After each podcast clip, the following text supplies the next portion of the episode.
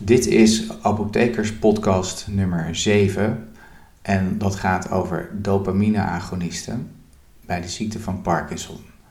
Mijn naam is Harm Geers en ik ben apotheker. We gaan het hebben over, zoals ik al net al zei, dopamine-agonisten. Um, dopamine-agonisten zijn uh, stoffen die um, bij de ziekte van Parkinson gebruikt worden en die de werking van dopamine nabootsen. Dus een agonist is eigenlijk een stof die de werking nabootst van een stof die in je lichaam zit. Um, levodopa, waar we het eh, in podcast nummer 6 over gehad hebben, is ook een soort stof, maar die, wordt, die lijkt op dopamine, maar die wordt omgezet vanuit levodopa naar dopamine.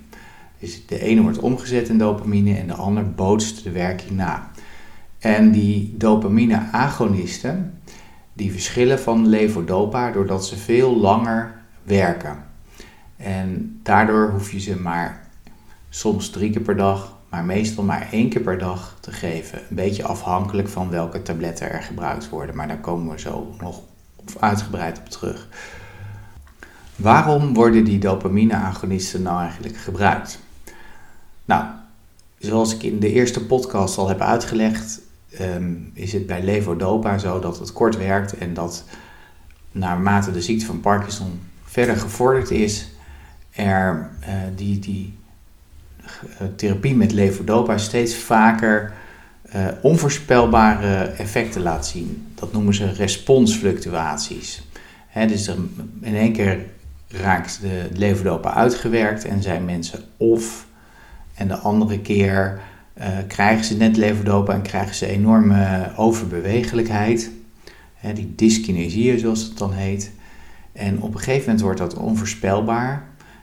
Of is het heel moeilijk om dat op te vangen met levodopa-therapie. En dan is het soms uh, mogelijk om met um, dopamine-agonisten, en dat geldt met name als er veel of-tijd is, om dan met dopamine-agonisten uh, dat te compenseren, omdat die dus veel langer werken.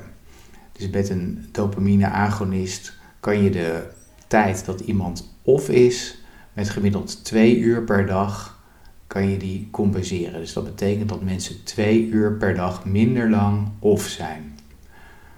Gemiddeld. Sommige mensen meer, sommige mensen iets minder. Nou, dopamine-agonisten worden ook gebruikt bij een andere aandoening, namelijk bij restless legs syndrome.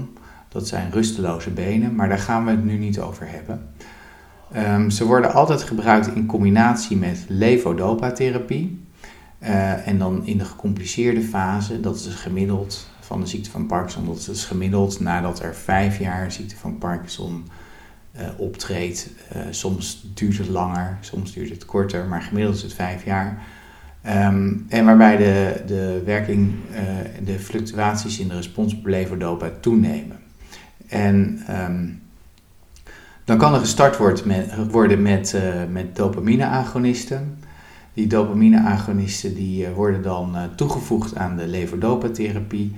Maar je zult zich voor, kunt zich voorstellen dat er dan eigenlijk twee dopamine-achtige stoffen hun werk doen. Hè. Levodopa doet zijn werk nog en zo'n dopamine-agonist die bootst de werking van dopamine weer na. Dus je kunt zich voorstellen dat er dan een periode is waarbij dat een beetje op elkaar afgestemd moet worden.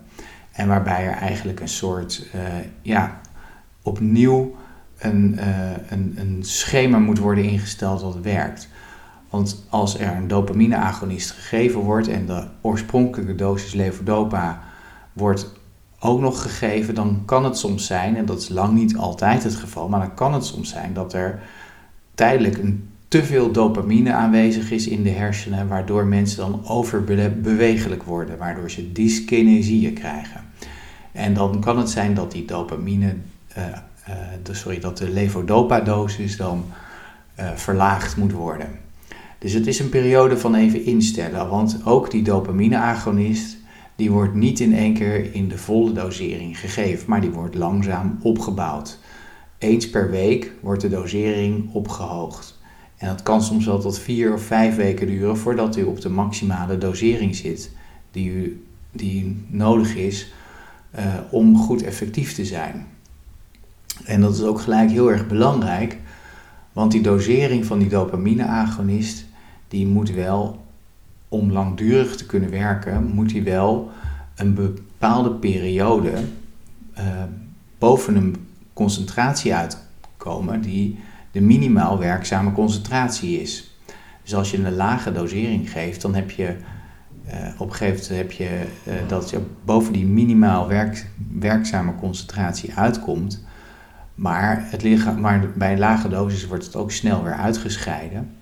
En dan zit je weer onder de minimaal effectieve concentratie. Dus de dosering moet hoog genoeg zijn om lang genoeg effect te hebben. En alle tijd dat je boven de minimaal effectieve concentratie zit, dan werkt het middel.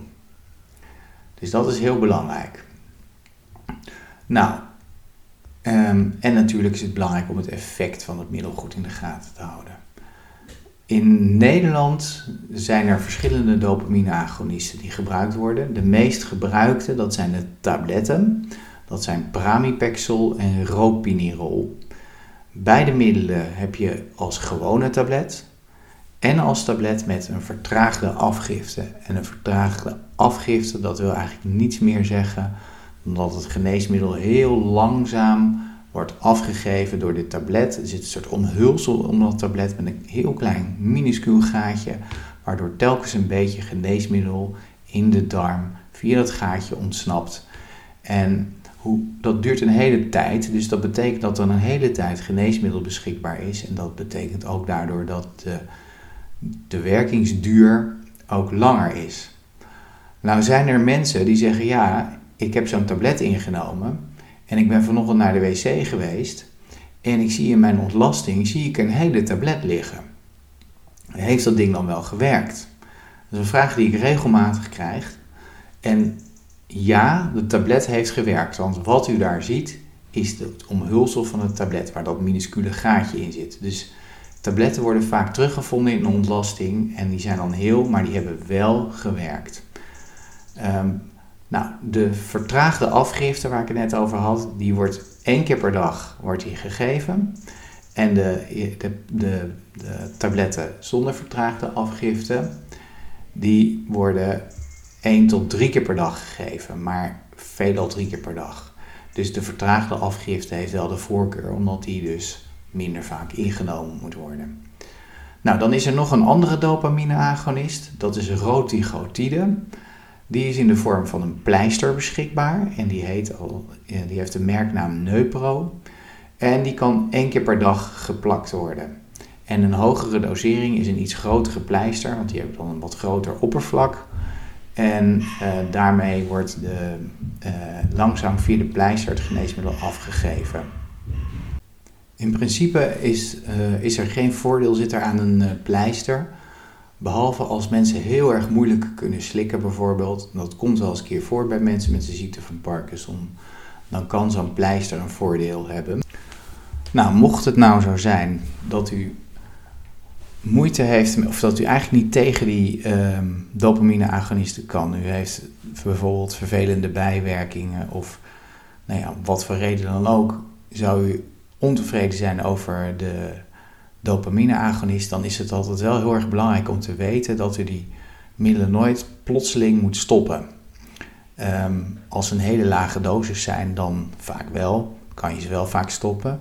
Maar als ze al in, opgebouwd zijn en u heeft een wat hogere dosering, dan is het wel risicovol om plotseling te stoppen. Um, wat er kan gebeuren is dan er is een verhoogd risico dan op het maligne neuroleptica syndroom. Dat is een bepaald syndroom wat kan ontstaan als plotseling alle dopamine wegvalt. Uh, het lichaam is daar dan aan gewend en daar ontstaat dan een reactie op. En die reactie, dat is, kunt u herkennen doordat u uh, hoge koorts heeft, u gaat zweten, u raakt, kunt verward raken, uh, stijve spieren kunnen optreden met kramp erbij. De bloeddruk kan heel erg wisselen en de hartslag kan heel hoog zijn. Um, dat is kan risicovol zijn, want uiteindelijk kunnen daardoor ook de spieren, doordat die zo verkrampt zijn, kunnen beschadigen en dat kan leiden tot uh, ernstige bijwerkingen. Dus dat is belangrijk om die dopamine-agonisten altijd af te bouwen. En dat kunt u doen in overleg met uw neuroloog of met uw uh, apotheker. Kunt u daar eventueel nog over van gedachten wisselen. En ehm, ja, waarschijnlijk is het zo dat u uh, die, die dopamine-agonisten wat sneller weer afbouwen dan u ze opgebouwd heeft, omdat u er niet tegen kan. Dus dan proberen we dat te kijken hoe we dat op een andere manier kunnen doen. En dat is, meestal is dat toch wel maatwerk bij iedereen. Nou, de bijwerkingen van uh, dopamine-agonisten dan. Ehm, de meest voorkomende bijwerkingen die genoemd worden, dat zijn hallucinaties. Um, maar hallucinaties komen natuurlijk ook voor bij de ziekte van Parkinson zelf. Dus, um, en die dopamine-agonisten worden natuurlijk altijd gebruikt in een vergevorderder, of een later stadium. Niet vergevorderd, maar later stadium van de ziekte van Parkinson. Dus uh, ja, de, de, de, de ernst van de Parkinson kan dus ook die hallucinaties veroorzaken, net als het overigens het geneesmiddel. Wat er dan gebeurt is, de dosis wordt vaak verlaagd dan. Verder kan er een lage bloeddruk optreden, dat heet orthostase.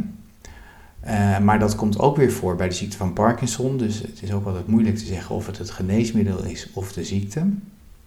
Plotselinge slaapaanvallen kunnen optreden, dus daar moet u op bedacht zijn, met autorijden met name. Uh, misselijkheid komt voor. Uh, dopamine is ook een hele belangrijke stof in het lichaam die misselijkheid kan veroorzaken. En verder zien we ook wel eens dat er uideem ontstaat, dus dat is vocht wat mensen dan vasthouden. En uh, ja, dat kan ook heel hinderlijk zijn soms. Maar meestal vallen die bijwerkingen zoals vaak reuze mee en gaan ze ook vanzelf over. Eén bijwerking wil ik er nog even uitlichten.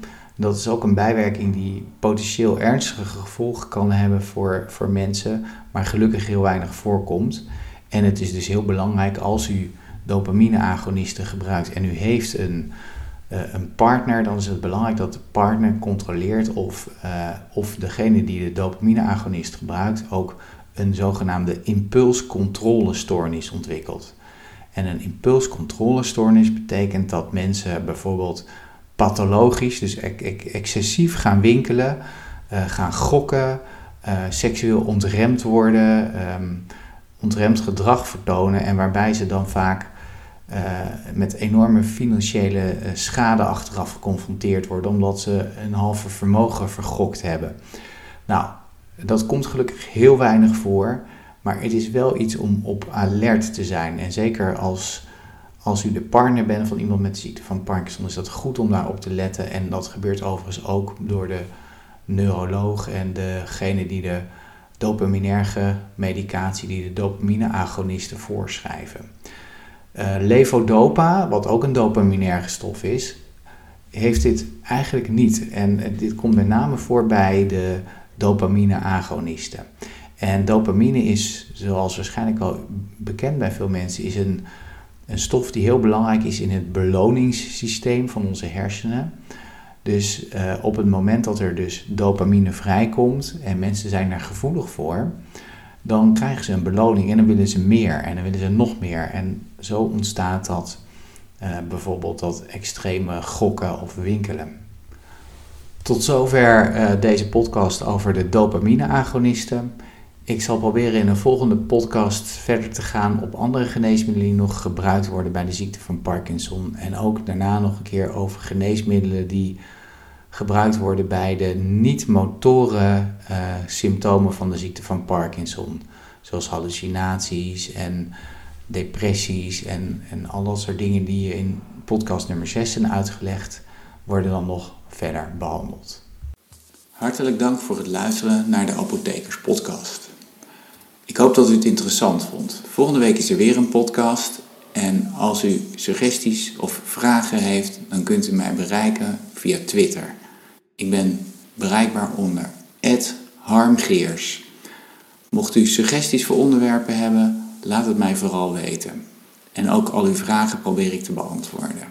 Hartelijk dank voor het luisteren en zorg dat u deze podcast deelt met uw vrienden en kennissen. Dank u wel.